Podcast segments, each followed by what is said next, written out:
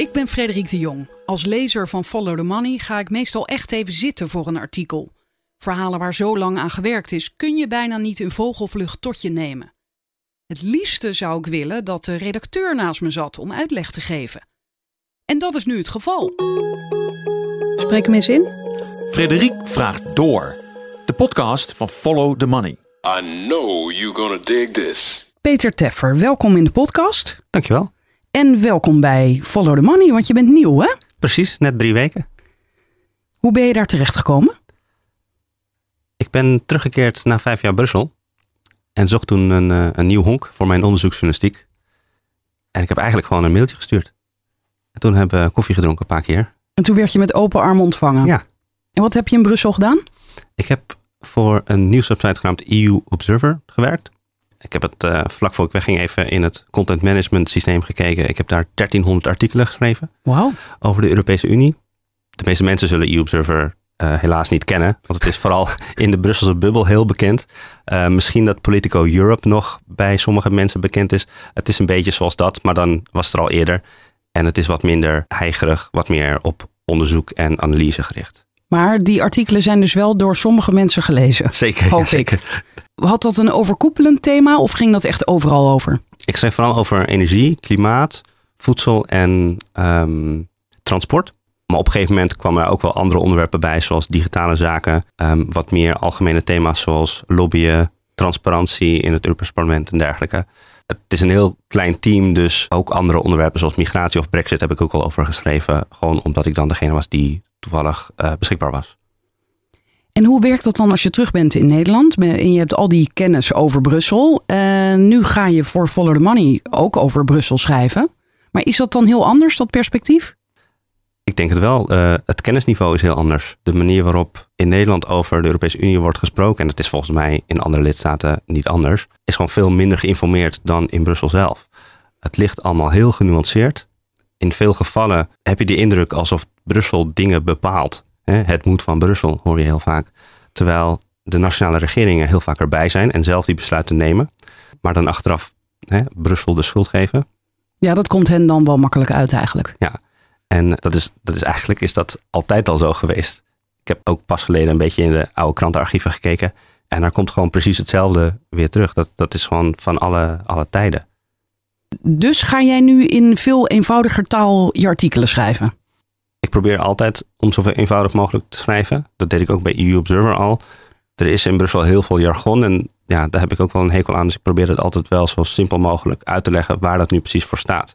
Wat ik precies voor Follow the Money ga onderzoeken is hoe EU-geld in Nederland wordt uitgegeven. We hebben het vaak over Nederland als netto betaler. En dan klinkt het alsof Nederland daar niks voor terugkrijgt. Maar er zijn nog best wel wat geldstromen die naar Nederland komen, net zoals naar de andere lidstaten. En hoe worden al die subsidies nu eigenlijk gebruikt? Wat komt er van terecht van de ideeën die er waren toen die subsidies werden bedacht? Heeft iemand daar ooit al wel eh, aantekeningen van gemaakt? Of, of ben je echt de allereerste? Ik heb geen extensieve studie van het Nederlandse medialandschap gedaan, maar mijn indruk is dat het heel weinig gebeurt. En ook als je kijkt naar de controles die er vanuit overheidswegen zijn, dan zijn het vooral controles over de rechtmatigheid van besteding. Of het allemaal volgens de procedures, volgens de regels is gegaan. Los Maar van niet- wat het effect was. Los van wat het effect is. Heel apart eigenlijk, hè? want Ja. wij mensen willen inderdaad weten, A zeggen, ja, dat moet van Brussel en dat levert allemaal niks op. En dan willen we niet weten of het inderdaad niks heeft opgeleverd. Of dat Nee, vergeten we dan Dat eigenlijk. vergeten we dan, ja. Dat is Ja. het. En ehm, ik heb er nu natuurlijk nog geen definitieve verklaring voor, maar wel een, een hypothese. Iets soortgelijks zie je als het gaat over fraudebestrijding. Bestrijding van fraude met EU-geld is de verantwoordelijkheid van nationale autoriteiten. Terwijl als ze dat een beetje laten liggen en niet dat onderzoek doen, dan zijn de kosten voor de EU als geheel. Terwijl je als nationale autoriteit natuurlijk moet investeren in die onderzoeken. Dus daar zit eigenlijk al een soort van natuurlijke ja, omgekeerde prikkel om, om dat minder te doen. Kijken naar de nationale begroting is eigenlijk eh, belangrijker dan naar de Europese begroting. Omdat het Europese geld toch als een soort van, ja, ja, een onderzoeker noemde het buitenaards geld. gezien. Buitenaards geld. Ja. en zo van, nou ja, oké, het geld is nu binnen. Prima, weet je wel. Oké, ik zie hier nu jouw artikel. Dit artikel, je eerste stuk, heet inkomenssteun aan bovenmodale boeren en vliegreizen voor milieubewuste scholieren. Dubbele punt, waar besteedt Nederland zijn EU-geld aan? Dus je hebt nu een paar voorbeelden genomen. want Je kan niet in één keer alles in één artikel zetten. Je gaat hier echt maanden mee aan de slag. Zeker, dit is het openingsartikel om een beetje aan te kondigen wat ik ga doen. Ook om in vogelvlucht even te laten zien waar de stromen geld heen gaan. Wat een beetje de, de trends zijn. Maar natuurlijk heb ik wel een aantal voorbeelden genoemd waar ik ook in het verleden al over heb geschreven. Om mensen al een vast een idee te geven.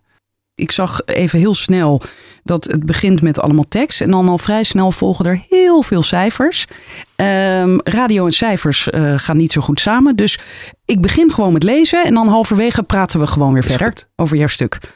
Brussel kan weer veel geruzie om geld verwachten de komende tijd. EU-leiders moeten de gezamenlijke begroting voor 2021 tot 2027 vaststellen.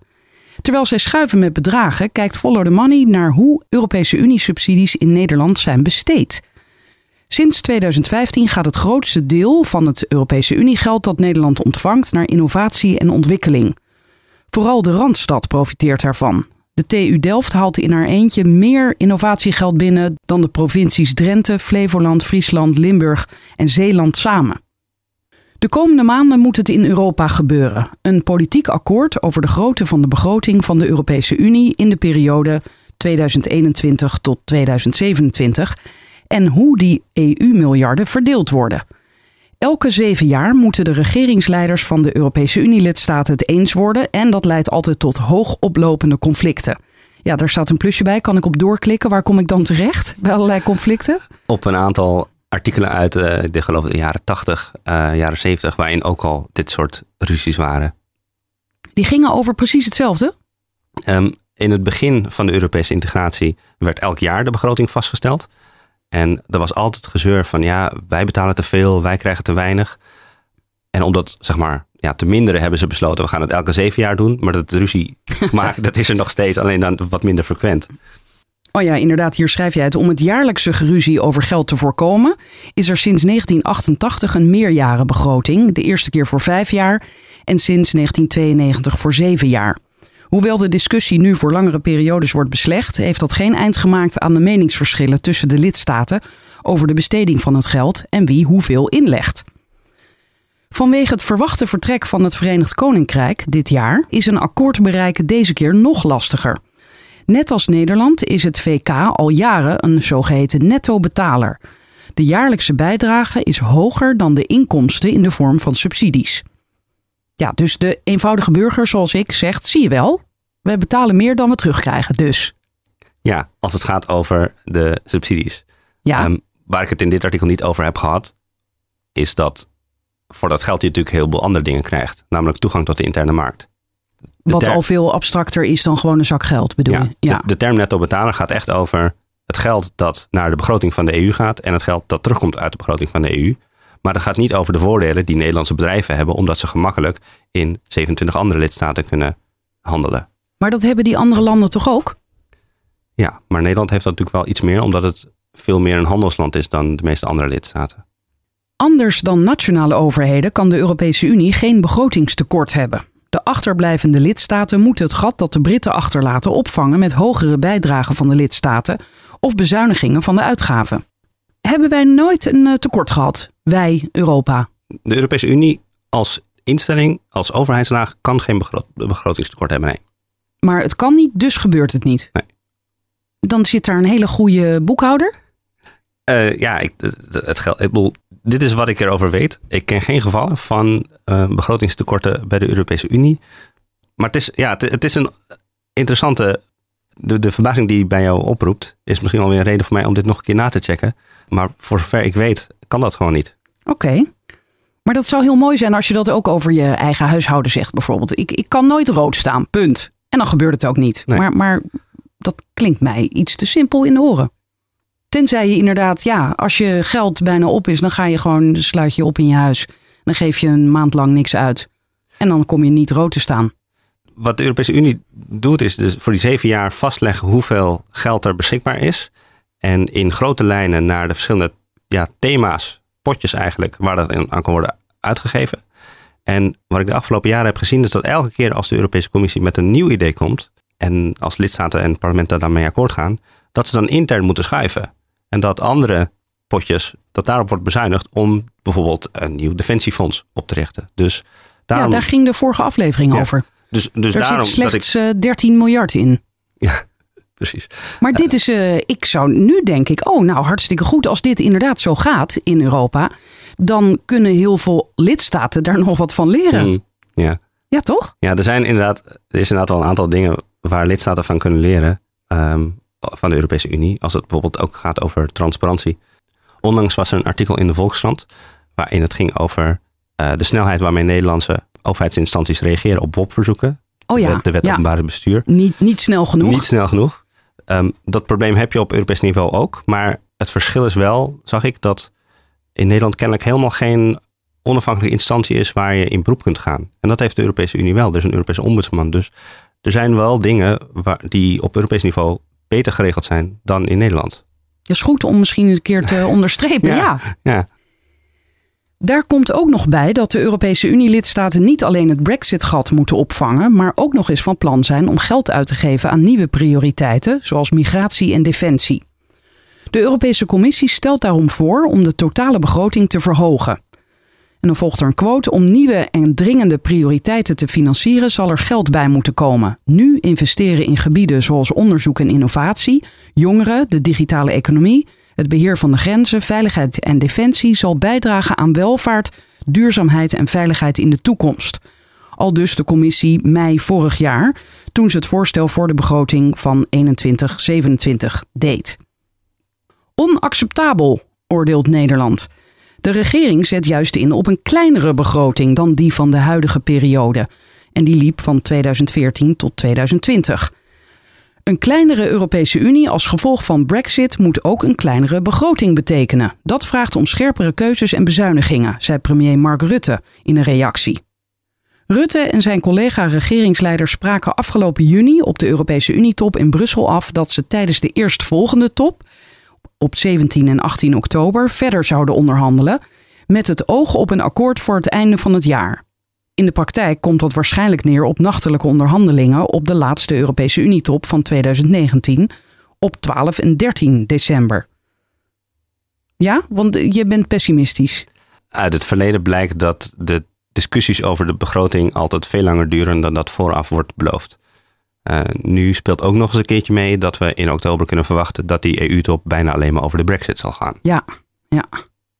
Ja, en wie weet waar de Brexit dan is, hè? Ja.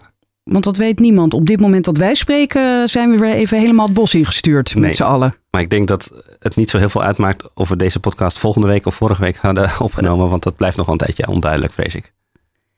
Die deadline om in december tot een akkoord te komen is niet heilig voor de Nederlandse regering. Zo blijkt uit schriftelijke antwoorden die de minister van Buitenlandse Zaken afgelopen juli gaf op vragen van Tweede Kamerleden. Het kabinet zal zich constructief opstellen ten aanzien van de beoogde planning van het Finse voorzitterschap om dit te realiseren, maar voor het kabinet is het eindresultaat leidend en belangrijker dan snelheid. De minister liet weten dat de omvang van de begroting en de verdeling van het geld nog niet eens aan de orde zijn geweest. Gegeven het complexe krachtenveld binnen de Raad, met posities die ver uit elkaar liggen, lijkt de kans op een snel akkoord gering. Ja, dus ze zeggen het zelf ook al hardop. Ja, de Nederlandse regering wel, ja. Ja. Met die onderhandelingen op de achtergrond onderzoekt Follow the Money de komende maanden hoe Nederland de Europese Uniebegroting in Nederland spendeert. De volgende vragen komen aan bod. Waar worden Europese fondsen zoal aan besteed? Gaat het om projecten die er zonder de Europese Unie-subsidies niet waren geweest? En hoe duurzaam zijn de gefinancierde projecten en is het geld doelmatig besteed? Eerder schreef ik al enkele artikelen over de besteding van Europese Uniegeld in Nederland voor de Engelstalige nieuwswebsite EU Observer. Zo bleek tijdens een inventarisatie van ontvangers van subsidies in Amsterdam dat subsidies uit het Europees Fonds voor Regionale Ontwikkeling, EFRO, terecht waren gekomen bij het AI Filmmuseum. Anderhalf miljoen euro, maar ook bij Artis, 2 miljoen euro. En het museum Onze Lieve Heer op Zolder, 3,8 miljoen euro. Dat is een heel leuk museum. Maar wacht even, dus er zijn subsidies uit het ja, regionale ontwikkeling. Daar, daar vallen musea kennelijk onder. Ja. Wat de verantwoording was voor waarom deze musea geld kregen vanuit dat fonds, was dat het bijdroeg aan ja, regionale ontwikkeling binnen Amsterdam. Dus Amsterdam-Noord moest ontwikkeld worden. Het Damrak moest hè, mooier worden. De wallen moesten meer uh, opgeschoond worden, zogezegd. Um, en met die uh, verklaring is dat geld naar die musea gegaan. En is de Europese Unie daarvan op de hoogte? Ja, want dat moet je rapporteren natuurlijk. Ja. Uh, maar de, zijn ze het er ook mee eens? Mag dit? Ze laten heel veel vrijheid aan de nationale autoriteiten om het geld te verdelen. Ja, toen ik vorig jaar met de voorzitter van de comité de regio's sprak. Dat is een, adviserende EU-instelling in Brussel. En ik vroeg hem hiernaar. Toen ja, wilde hij er eigenlijk geen commentaar op geven. Om, dat laat maar zien, de lidstaten mogen gewoon lekker doen met het geld wat ze zelf willen. Uh, de kaders waarbinnen die fondsen zijn opgezet zijn kennelijk heel erg breed. Ja, dan vraag ik me af, is dat dan erg? Want stel dat, de, dat alle landen wat miljoenen geven aan hun musea, dan, dan staat iedereen weer kiet ongeveer. Zoiets. Ik bedoel, het is, het is natuurlijk vaag en abstract. Want regionale ontwikkeling, dan denk ik uh, meer aan dunbevolkte gebieden buiten de randstad of zo. Dat dacht ik, zoiets. Ja, ja dat dacht ik ook. Ja. Um, en regionale ontwikkeling helemaal in de oorsprong komt ook uit het idee dat de regio's van de Europese Unie, toen de Europese gemeenschap, dat die dichter bij elkaar moeten komen. Cohesie noemden ze dat met een mooi woord. Uh, dat het welvaartsniveau vergelijkbaar moest zijn in alle verschillende regio's. Maar ja, op een gegeven moment heb je natuurlijk dat een aantal van die lidstaten helemaal geen achtergestelde regio's meer hebben als je het vergelijkt op Europese schaal. Dus in al die Omdat wij zo'n rijk land zijn, bedoel je? Ja, of? ja. ja. En dan wordt in de onderhandelingen gezegd: oké, okay, een deel van het geld dat kan ook naar de rijkere lidstaten. En dat kunnen ze dan gebruiken voor ja, regionale ontwikkeling op nationale schaal. Ja, maar op zich, ja, uh, als niemand dit erg vindt, prima. Ja. Toch? Leuk ja. dat die musea dat geld hebben gekregen en dat ze er weer mooi uh, in de verf bij staan. Ja, maar je kunt ook zeggen, had dit dan niet van een Nederlands potje gekund? Waarom moet dit ja. eerst via Brussel? Inderdaad. Um, is het een subsidie die iets mogelijk heeft gemaakt wat er anders niet was geweest. In het geval van het museum Ons Lieve Heer op Zolder zeiden ze uh, dat daadwerkelijk dat geld ze heeft geholpen om een ja, grootschaligere renovatie te ondergaan dan, dan anders. Dus, um, maar dat is dan omdat zij kennelijk wisten, de gemeente gaat het niet voor ons betalen en het Rijk ook niet. Ja, wat volgens mij ook meespeelt is dat als er subsidies zijn, dan zullen instellingen uh, aanvragen doen. Dus uh, omdat het er is, ga je natuurlijk kijken, oké, okay, waar kan ik ja. De, en dat is ook heel begrijpelijk. Ik ben ook niet per se erop uit om ontvangers zoals deze musea een soort van zwart te maken van kijk, nee. kijk nou, want nee, het is okay, meer. Het is, ook, het is ook slim natuurlijk dat je er gebruik van maakt dat het er is. Maar ik wil de vragen oproepen: is dit de slimste besteding van publiek geld? Nou, en ik zou bijvoorbeeld denken als, als ander EU-lid, uh, Italië Mhm. of uh, nou, een land. Het gaat er volgens mij om dat, dat zij dit oké okay moeten vinden, toch? Wat, of, of zeg ik nu iets raars? Bedoel, je nee, bepaalt ja. met z'n allen van we, we zijn samen in de EU ja. en we gaan elkaar helpen. Ja, dat is het idee. Maar dat, ik denk dat elk land toch kijkt naar die pot geld als ja, oké, okay, dat heb ik binnen. En als ik niet klaag bij de anderen, dan klagen ze ook niet bij mij. Aha. Dat is mijn vermoeden een beetje. Er staat hier nog een ander voorbeeld. De bouw van het hotel The Exchange op het Damrak, een van de drukste straten in de hoofdstad, kreeg 4,8 miljoen euro van dat geld. Iets dat een woordvoerder van het hotel niet eens wist. Oh, het hotel is opgezet door Otto Nam en Suzanne Oksenaar, die eerder het Lloyd Hotel ergens anders in Amsterdam oprichten. Jij hebt ze gebeld en gezegd: uh, Goh, ik hoor dat jullie 4,8 miljoen hebben gekregen. En toen zeiden ze: ik, Wij weten van niks. Hè? Niet, niet hen, hè, maar hun woordvoerder. Oké, okay. en waar is dat geld dan naartoe gegaan? Het is kennelijk gebruikt voor de ontwikkeling van het hotel. Ja, oh ja. Maar die, die eigenaren heb je niet gesproken? Nee, uh, alleen een woordvoerder. En die zei dat ze van niks wist. En toen hing je maar weer op? Of? Uh, toen, toen heb ik daarna geen reactie meer van haar gekregen. Ook bleek soms dat de invulling van een programma in tegenspraak stond met het doel ervan. Ik schreef bijvoorbeeld over een project van het onderwijsprogramma Erasmus. Dat had als doel om scholieren milieubewust te maken. Tegelijk was een vast onderdeel van het project dat scholieren van de deelnemende landen, Duitsland, Italië, Nederland, Turkije, Spanje, het Verenigd Koninkrijk, elkaar bezochten. Met het vliegtuig. Ter gelegenheid van de opening van dit dossier brengt dit artikel de grote geldstromen in kaart. Hoeveel komt er binnen? Naar welke programma's gaat het? En zijn er bepaalde trends te zien? Ja, toen was die nachttrein nog niet uh, heringevoerd, hè? Want dat is toch ook een plan om treinverkeer meer te stimuleren. Sommige partijen willen dat althans. En ook de nachttreinen weer invoeren. Vandaar dat die scholieren met het vliegtuig gingen. Ja, je had natuurlijk ook bij het ontwerpen van dit programma kunnen zeggen. We clusteren deze projecten op een regionaal manier. Dat de Nederlandse scholieren naar Duitsland en België gaan. Misschien nog Frankrijk. En de Spaanse naar Portugal. En niet dat je kriskras door Europa reist. Daar is ja. kennelijk niet voor gekozen. Overigens, ik heb nog met de Nederlandse autoriteit gesproken die verantwoordelijk is voor het verdelen van die Erasmusgelden. En die verklaarde, ja, wij worstelen daar ook wel mee. Wij zien ook wel dat het anders moet. Um, maar het probleem van Erasmus natuurlijk is dat het hele doel van dat programma is reizen. En reizen heeft um, een milieu-impact. Um, wat ze me vertelde is dat ze voor de volgende periode wel strengere regels zouden willen uh, met betrekking tot, tot het reizen. En dat een bepaalde afstand verplicht met de trein zou moeten worden afgelegd. Dat wordt nog vervolgd of dat daadwerkelijk lukt. Oké. Okay. Uh, wacht even, dan begin je over Nederland. Hè? Hier komt een heel hoofdstuk over Hier Nederland. komen de cijfers. Ja, ik zie het inderdaad. Heel wat cijfers. Het begin kan ik nog wel even voorlezen, want dat is denk ik wel te volgen. Nederland ontving in 2018 bijna 2,5 miljard euro aan Europese Unie geld. Zo blijkt uit de begrotingsgegevens die beschikbaar zijn op de website van de Europese Commissie. Dat totaalbedrag schommelt al jaren rond de 2 miljard, maar een analyse van waar het geld naartoe ging binnen Nederland laat in de afgelopen jaren belangrijke verschuivingen zien. En dan begint het hier met de grootste portie van het besteden EU-geld in Nederland ging vorig jaar naar projecten die betaald werden uit Horizon 2020. Dat is het Europese Uniefonds voor Onderzoek en Innovatie. En dan heb je het dus heel breed over innovatie van van alles. Ja. En nu zie ik heel veel cijfers. En wat je dan ziet, is een aantal verschuivingen. Het Onderzoek en Innovatiefonds, Horizon 2020. In onderzoek en innovatie is de afgelopen jaren het belangrijkste potje geworden waar Nederland uh, subsidies uit krijgt. Dat was uh, in 2000 nog uh, vrij weinig en dat is nu echt de, de belangrijkste pot geworden. Daar staat tegenover dat de regionale fondsen, waar we het net over hadden, waar die musea geld uit kregen, dat is al een heel stuk minder. Dus in die zin is zeg maar, het probleem, voor zover er een probleem is, is relatief klein. Het andere grote potje van geld dat naar Nederland gaat, dat is het Landbouwfonds. Um, dat is ook al jaren stabiel zo rond de een derde van het geld dat in Nederland binnenkomt uit de EU. Dat gaat naar landbouw.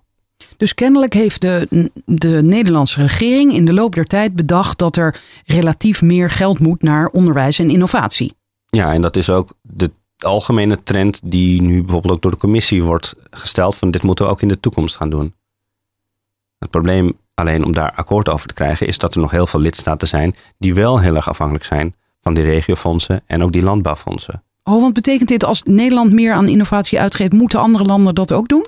Nou, je, je kijkt natuurlijk naar uh, de pot EU-breed. En voor landen als uh, Litouwen bijvoorbeeld. Ik zag vanochtend nog een interview met de Litouwse president. Die zei ja, er gaat gewoon te weinig geld naar landbouw in het voorstel voor de komende jaren. Um, en dat, dat gevoel dat hebben meerdere landen. Dus het, is, het zijn allemaal EU-brede potjes natuurlijk. En pas als je daarvan de grootte hebt gesteld, dan ga je kijken hoe je dat verdeelt onder, onder, onder de landen zelf. Oké, en dan binnen de landen kunnen de landen zelf ook nog kiezen.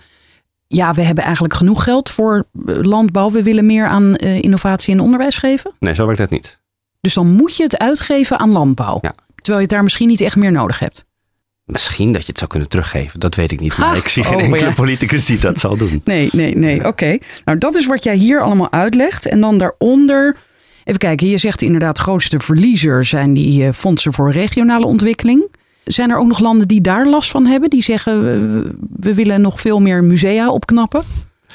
Um, die regionale fondsen worden vooral gebruikt in bijvoorbeeld Oost-Europese landen om echt infrastructuur aan te leggen, bruggen en zo. Oh, dat kan ook. Dat kan ook, ja. Nou, eigenlijk sterker daar nog, daar, dat is, klinkt veel logischer. Dat is ook inderdaad waar het eigenlijk vooral om, om, om gaat.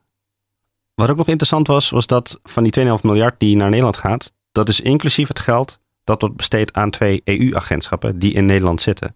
Europol, het politie-samenwerkingsnetwerk, en Eurojust, dat op justitieel niveau samenwerkt. Dat gaat om toch even een cijfer noemen, 157 miljoen euro.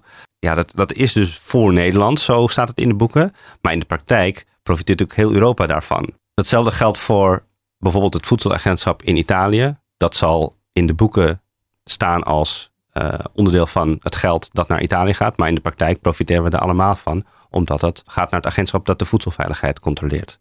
Overigens, het Europees Medicijnagentschap dat naar Nederland is gekomen, dankzij die brexit, dat wordt voor het grootste gedeelte betaald door de farmaceutische industrie die certificaten en dergelijke bij dat agentschap koopt. En dan komt het gedeelte waarin je uitlegt uh, en je afvraagt hoe de verdeling in het land is, dus in Nederland. En dan schrijf jij de beschikbare informatie verschilt nogal per fonds. Voor het onderzoeks- en innovatieprogramma Horizon 2020 is een interactieve website opgezet. En daar kun je informatie vinden over waar in Nederland het geld naartoe gaat. De cijfers gaan over de hele periode 2014-2020. In die periode ontvangt Nederland 3,3 miljard euro. Oké, dus dat is meer dan die 2,5 miljard. Nee, oké. Okay, dus We hebben het nu over zeven jaar, hè? Ja? Het gaat over de periode zeven jaar. En die 2,5 miljard ging over... Oh ja. Het gaat nu al mis natuurlijk met die cijfertjes. Ja, daarom. Ik kan het nu al niet meer volgen. Dus vertel. Dus wij hebben, of straks tot januari 2020, hebben wij 3,3 miljard euro gekregen. Dat naar innovatie en onderzoek gaat. Oh ja. Dan daarbovenop komt er nog veel meer. Ja. Dat geld is niet gelijk over het land verdeeld. De provincies Zuid-Holland en Noord-Holland zijn goed voor bijna de helft van het totale bedrag. Zo'n 900 miljoen euro gaat naar Zuid-Holland, waarvan ruim 200 miljoen euro naar één organisatie, de Technische Universiteit Delft. Het is dan ook de TU Delft die bovenaan de top 10 organisaties staat van Nederlandse Horizon 2020 ontvangers. Zuid-Holland profiteert ook van de aanwezigheid van de Nederlandse Organisatie voor Toegepast Natuurwetenschappelijk Onderzoek, TNO, en de Universiteit Leiden, die elk iets meer dan 100 miljoen euro binnenhalen. Noord-Holland haalt ruim 684 miljoen euro binnen. Ja, krijgen zij nou meer? Ja, ze krijgen veel meer dus dan Zuid-Holland. Nee, minder, want Zuid-Holland kreeg 900 miljoen. maar dat geld van Noord-Holland is uh, vrijwel geheel op het konto van de regio Groot Amsterdam te schrijven. De Universiteit van Amsterdam en de Vrije Universiteit ontvangen het meest. En dan na Noord-Holland en Zuid-Holland volgen Utrecht, Gelderland en Noord-Brabant met ieder iets meer dan 400 miljoen. En dan volgen alle andere provincies die steeds minder krijgen. Sneu, hè? Ja, het laat denk ik ook iets zien over waar in Nederland vooral onderzoek en innovatie wordt Oh ja, tuurlijk. Zo gek is het ook weer niet. Alhoewel, staat Eindhoven er wel tussen? Of Twente? Daar is Ja. toch ook veel innovatie en onderzoek en onderwijs? Ja, en wat daar volgens mij speelt is dat dat dan echt een soort van lokale hub is, maar dat er niet heel veel omheen gebeurt. Dat, dat volgt in de volgende alinea's volgens mij. Wat ik aardig vond aan de, aan de verdeling van het innovatiefonds in Nederland, is dat je heel erg ziet dat ja, innovatie en onderzoek in de Randstad best wel verspreid is. Ehm, er is niet echt een eh, winner takes all. Tuurlijk, je hebt de TU Delft die heel veel geld krijgt, maar daarop volgen al snel andere organisaties. Terwijl in andere provincies buiten de Randstad, daar zie je dat er bijvoorbeeld, als je de, de drie noordelijke provincies neemt, dan zijn daar twee instellingen en die krijgen driekwart van al het geld. En daarna volgen nog wat kleintjes. En datzelfde dat zie je ook in, in andere provincies eh, buiten de Randstad. Dat zegt denk ik iets over de mate van onderzoek en innovatie en hoe die, hoe die verspreid is over het land. En of daar, of daar echt een soort van ecosysteem is ontstaan, of alleen een hub van één of twee instellingen. Maar heeft het ook niet gewoon te maken met eh, dat eh, de- degene die het meeste geld krijgen het beste kunnen lobbyen? Dat weet ik niet. Dat zal ik ook nog eens onderzoeken. Op zich is het, het lobbyen, dat is natuurlijk ook wel iets wat in Brussel in grote mate gebeurt. Maar als het over de verdeling van subsidies gaat, dat gebeurt altijd vooraf. Dat gebeurt tijdens het vaststellen van de programma's. Nou, ik dacht meer aan lobbyen binnen Nederland. Dus Nederland weet, we krijgen zoveel geld. Die universiteiten weten dat ook. En de een kan veel beter lobbyen en zeggen... nee, dat moet echt naar ons. Want kijk eens naar onze mooie onderzoeken. Dat gaat allemaal op basis van redelijk objectieve criteria. Ehm, je moet projectvoorstellen indienen en eh, die worden dan goedgekeurd, of niet. Oké. Nou, als je wilt lobbyen, dan moet je erbij zijn op het moment dat die EU-wetsvoorstellen worden geschreven. en wanneer die criteria worden vastgesteld. Dus als je, als je de TU Delft bent en je probeert nu nog aan het einde van die zevenjarige periode geld binnen te halen, je kunt beter dan denk ik je aandacht besteden aan, oké, zullen we ervoor zorgen dat in die periode 2021 en de zeven jaar daarna, dat daar ja, vooral programma's op worden gezet in de specialiteiten die wij hebben. Oké. Kunnen we nu al door met uh, de landbouw? Ja. Ja, let's go. let's go. De andere belangrijke subsidiepot uit Europa is die voor het gemeenschappelijke landbouwbeleid. Het grootste deel van dat geld gaat op aan directe inkomenssteun. Het Europese Unieverdrag bepaalt namelijk dat een van de doelen van het geld is om de landbouwbevolking een redelijke levensstandaard te verzekeren, met name door de verhoging van het hoofdelijk inkomen van hen die in de landbouw werkzaam zijn. Wat een redelijke levensstandaard is, is echter nooit gedefinieerd. Even kijken, de basisbetalingsregeling, die komt nu opeens uit de lucht vallen voor mij. Dat is een ander woord voor dat inkomenssteun. Oh, oké. Dus die inkomenssteun wordt bepaald aan de hand van de hoeveelheid hectare van een boerderij. Als gevolg daarvan zijn er nogal wat uitschieters. In 2018 waren er in Nederland 75 landbouwbedrijven die een ton of meer ontvingen. Vier daarvan ontvingen zelfs meer dan drie ton. De Algemene Rekenkamer onderzocht onlangs de effectiviteit van de inkomenssubsidies. Het concludeerde dat de inkomenssteun deels effectief is om boeren te voorzien van een redelijke levensstandaard. De rekenkamer keek naar de totale inkomsten bij de steekproef. En uit die proef bleek dat voor 16% van de bedrijven die subsidie het verschil maakte tussen een bruto inkomen onder of boven het wettelijk minimumloon. Maar ondertussen bleef 36% van de boerenbedrijven ook met Europese Unie-subsidie onder het wettelijk minimumloon. We hebben het nog steeds over Nederland. Ja, ja wat de Algemene Rekenkamer eigenlijk concludeerde is um, dat EU-doel om boeren van een redelijke levensstandaard te voorzien, dat werkt niet zo heel goed. Nee, want een derde van hen komt dus niet aan die standaard. Nee. Ook met EU-subsidie blijven, ja, blijft een derde van de boerenbedrijven nog steeds onder het wettelijk minimumloon. Dus daar heeft de EU ja, gefaald om die minimumstandaard te leveren. Tegelijkertijd, dat volgt in het uh, volgende stukje denk ik. Tegelijkertijd zijn er veel bedrijven en die verdienen twee keer modaal. En die krijgen ook landbouwsubsidie. Terwijl die hebben het helemaal niet nodig. Ja, want dat wettelijk minimumloon, dat zie ik hier nog staan, dat is dus 19.000 zoveel euro. Dus net geen 20.000 euro. Maar inderdaad, schrijf jij hier, de rekenkamer zag dat 24% van de boeren twee keer modaal of meer verdienden. En dan heb je het over 66.000 of meer. Ja. Dus ook daar, wat we in de hele maatschappij zien, wordt die kloof tussen rijk en arm steeds groter. Ook onder de boeren. En dat komt vooral omdat het geld wordt verdeeld aan de hand van aantal hectares. Niet aan de hand van hoeveel inkomen heeft zo'n bedrijf nou. Ja. Dus als je een heel groot bedrijf hebt met heel veel hectare, dan krijg je dus automatisch ook veel geld. Ongeacht of dat jou helpt bij een betere levensstandaard hebben of niet. Ja, en de berekeningen met één keer modaal of twee keer modaal, daar heeft de Algemene Rekenkamer voor gekozen, omdat die, ja, dat even geen definitie geeft van wat is nou een redelijke levensstandaard. Ja, en je zou bijna zeggen, haal wat geld uit die innovatiepot om hier een nieuw rekensysteem voor te bedenken. Ja, dat is een goed idee. Ja, want dit, dit, dit is dus niet meer de manier kennelijk. Nee, er is, dit is zeker wel gesignaleerd hoor in Brussel. Ehm, en de Europese Commissie heeft eigenlijk ook al trouwens de vorige keer geprobeerd, dat proberen ze nu weer, om um, het systeem aan te passen en een zogenaamde ja, aftopping te introduceren. Wat de commissie voorstelt is dat tot een bepaald bedrag die inkomenssteun gegeven wordt. Maar als je daarboven zit, dan niet meer. Dus een beetje zoals met, uh, met belastingschijven gaat het dan in verschillende tranches. Als je boven X zit, dan krijg je nog maar een deel. En als je boven Y zit, dan krijg je helemaal niks meer. Maar is dat het plan of, of is dat nu zo? Dat is het plan. Dat is het plan. Okay. En dat plan hadden ze de vorige keer ook. En toen hebben de lidstaten het afgeschoten. Oh. Dus het kan net zo goed dat dat nu weer gebeurt. Ik vind het wel schokkend dat kennelijk een derde van de Nederlandse boeren niet genoeg verdient. Volgens de Ja. norm die we zelf gesteld hebben. Ja. Ja, dat is verdrietig. Ja. Landbouwminister Carola Schouten van de ChristenUnie schreef in een reactie op het rekenkameronderzoek dat er bij grote bedrijven meer steun lijkt terecht te komen dan nodig is voor een redelijk inkomen. Ja, inderdaad.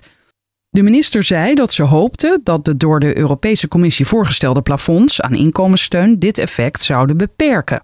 Oftewel, zij hoopte op beterschap. Ja, ehm, ik heb het net uitgelegd dat de Europese Commissie voorstelt dat er plafonds moeten zijn aan inkomenssteun. En eigenlijk is dit rapport van de Algemene Rekenkamer voor de Nederlandse minister ja, een soort van bewijs om te laten zien, zie je wel, het komt niet op de juiste plek terecht. Dus dat van die plafonds is een goed idee. Maar ja, ik heb ook al in Brussel bijeenkomsten meegemaakt waar landbouwministerie ambtenaren zeiden, nee, dat gaan we niet aan beginnen. We willen dat we het allemaal zelf kunnen bepalen. De Algemene Rekenkamer heeft overigens al jaren kritiek op het gebrek aan controle op de effectiviteit van projecten gefinancierd met Europees geld. De nadruk ligt vooral op de naleving van de regels en nauwelijks op een efficiënte besteding van het geld en of er het gewenste effect mee is behaald. Ja, dat is wat je helemaal in het begin van ons gesprek vertelde. En de Rekenkamer zegt daarover: Wij vinden dat de burgers van de Europese Unie mogen verwachten dat publiek Europees geld in hun eigen land en elders met resultaat wordt aangewend. Doeltreffend dus dat dit gebeurt met een optimale inzet van middelen, doelmatig dus en volgens de regels, rechtmatig. Ook vinden wij dat Europese Unieburgers mogen verwachten dat er over de doeltreffendheid, de doelmatigheid en de rechtmatigheid van de bestedingen volledige transparantie bestaat. En dat staat in een rapport van enkele jaren geleden. Na vijf jaar ervaring in Brussel is bij mij de algemene indruk ontstaan dat de journalisten die het meest weten over de Europese Unie nauwelijks kijken naar hoe Europese Unie-programma's in de praktijk werken. Omdat ze bijvoorbeeld in hun eentje als correspondent de hele Europese politiek in Brussel moeten verslaan. De journalisten in de lidstaten weten te weinig van die programma's om ze kritisch te onderzoeken. Ja, zo hou je dat in stand natuurlijk, dat systeem. Want inderdaad, uh, een correspondent in Brussel is tegenwoordig al een luxe.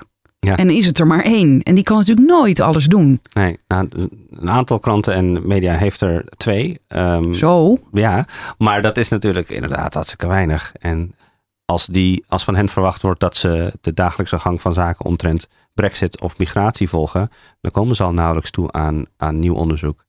En ja, wat ik wel heel eh, zonde vond eigenlijk, wat ik in Brussel zag, je hebt daar best wel veel correspondenten, maar iedereen schrijft natuurlijk voor zijn eigen of haar eigen nationale publiek. Dus iedereen loopt heel veel dubbel werk te doen. Veel van die journalisten die zijn meer of meer gedwongen om het algemene debat te volgen en hebben daardoor niet de tijd om te kijken, oké, wat is er eigenlijk twee jaar geleden beloofd en wat is daarvan terechtgekomen? En op nationaal niveau vinden we dat heel normaal en gebeurt dat heel veel. Maar op Europees niveau gebeurt dat echt te weinig. Ik, ik ben niet de enige natuurlijk. Er zijn echt wel genoeg andere journalisten die dat ook doen. Maar ja, dat moet gewoon meer gebeuren. Dus daarom vind ik het fijn dat ik dat kan gaan doen de komende tijd. Ja. Vorig jaar stuitte ik op een boek waarin beschreven wordt dat Europese Uniegeld in lidstaten vaak als buitenaards wordt ervaren. Ja, dat vertelde je ook eerder, waardoor er minder incentive is om te controleren hoe het is besteed. Ik denk dat er in de journalistiek, die nog grotendeels nationaal is georganiseerd, een soortgelijk fenomeen optreedt. Follow the Money probeert de komende tijd beter inzicht te geven in hoe het publiek Europees geld in Nederland wordt besteed. Sommige artikelen in dit dossier zullen een verhaal vertellen over de effectiviteit van een bepaald subsidieprogramma. Andere zullen weer gaan over een specifiek project. Tips zijn van harte welkom op peter.teffer.ftm.nl. Kom maar op. Wat hoop jij voor tips te krijgen? Misschien dat er mensen zijn die luisteren en kennis hebben van een bepaald EU-programma of een subsidie die bij hun in de buurt is uitgegeven. En zich afvragen of dat wel nut heeft gehad. Misschien zijn er programma's waar je van weet, die een paar jaar geleden met veel bombardie zijn aangekondigd en waar niks meer van terecht is gekomen. Het is ook een beetje dat ik niet zo goed weet wat ik kan verwachten. Dus ik, ik, ik wil ook vooral luisteraars en lezers met tips komen waarvan ze zelf denken, nou dit is misschien... Ja, je... je mag eigenlijk bijna alles mailen wat je wil aan jou. Ja, tuurlijk. nee, maar ook als je denkt van ja, ik weet niet zeker of dit nou, eh, of, of je daar iets aan hebt, maar ik stuur het toch maar even op. Er zit een delete knop in de e-mailbox. dus als het echt niet nuttig is, dan uh, kan het weg. Misschien wel goed om duidelijk te maken. Het, het, is niet mijn bedoeling om per se de EU te bashen of zo. Ik wil gewoon eens kijken, hoe is het geld besteed? En als het goed is besteed, dan is het hartstikke fijn. Dan top. Maar uh, het probleem is dat er nauwelijks controle op is. Misschien dat we erachter komen dat het, dat het hartstikke goed werkt in Nederland. En dat we heel veel hebben gehad aan al die EU-subsidies. Dat zou denk ik ook een goede, belangrijke conclusie kunnen zijn. Maar voor hetzelfde geld blijkt dat, dat uit die subsidies, ja, dat, dat, dat er allemaal misstanden zijn. Eh, je weet het pas als je het gaat onderzoeken. En dat gaan we de komende tijd doen. Dankjewel. Alsjeblieft. Wil je weten wanneer een nieuwe aflevering online staat? Schrijf je in voor mijn nieuwsbrief. Die vind je bij ftm.nl/slash Frederiek.